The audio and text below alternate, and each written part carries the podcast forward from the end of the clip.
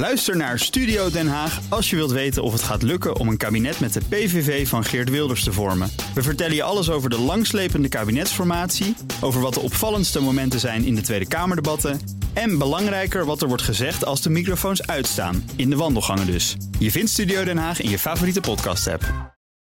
De column van Paul Lasseur. Vorig jaar kreeg Nederland er 19 mega-distributiecentra bij. Elk met een oppervlakte van minstens 40.000 vierkante meter. En nog eens 12 van die gigantische witte dozen langs de snelweg werden aangekondigd. Opgeteld 31 nieuwe XXL-projecten in 2019. Samen goed voor ruim 2 miljoen vierkante meter extra distributieruimte. Een absoluut record. Nog nooit kwamen er in één jaar zoveel bij. En die trend zet voorlopig door. Want ja, Nederland, distributieland. Het is een waanzinnige prestatie. Het zijn vooral gemeenten in Limburg, Noord-Brabant en Zuid-Holland... die de loper uitrollen voor de webwinkelgiganten uit binnen- en buitenland... die zich in hun regio willen vestigen. Zoals Zalando en Bol.com. Blij met al die extra inkomsten en arbeidsplaatsen... en trots op hun belangrijke positie als distributieknooppunt... voor soms grote delen van Europa. Maar met de stormachtige toename van het aantal megadistributiecentra... groeit ook het maatschappelijk verzet tegen wat in korte tijd de verdozing van het landschap is gaan heten. Tegen horizonvervuiling op het platteland. Maar alle verzet lijkt mij op voorhand kansloos. Er is geen weg terug. Je houdt de vooruitgang niet tegen. De dozen komen er toch wel. Dus laten we deze ontwikkeling liever omarmen dan nog langer dwarsbomen.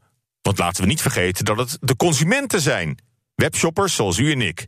Die zelf met hun moderne koopgedrag de opkomst van al die hyper-efficiënte megadistributiecentra afdwingen.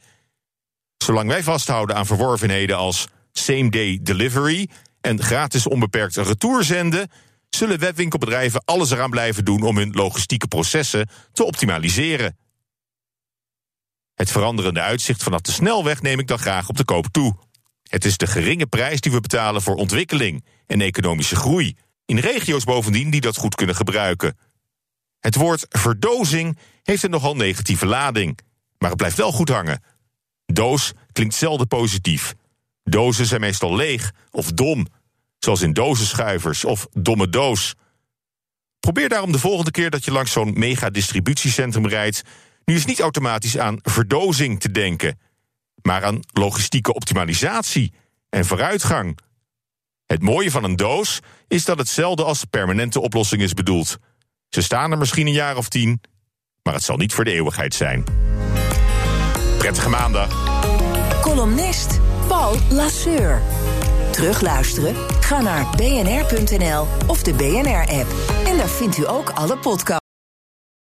Ook Bas van Werven vind je in de BNR-app. Ja, je kunt live naar mij en Iwan luisteren tijdens de ochtendspits. Je krijgt een melding van Breaking News. En niet alleen onze podcast Ochtendnieuws, maar alle BNR-podcasts vind je in de app. Download nu de gratis BNR-app en blijf scherp.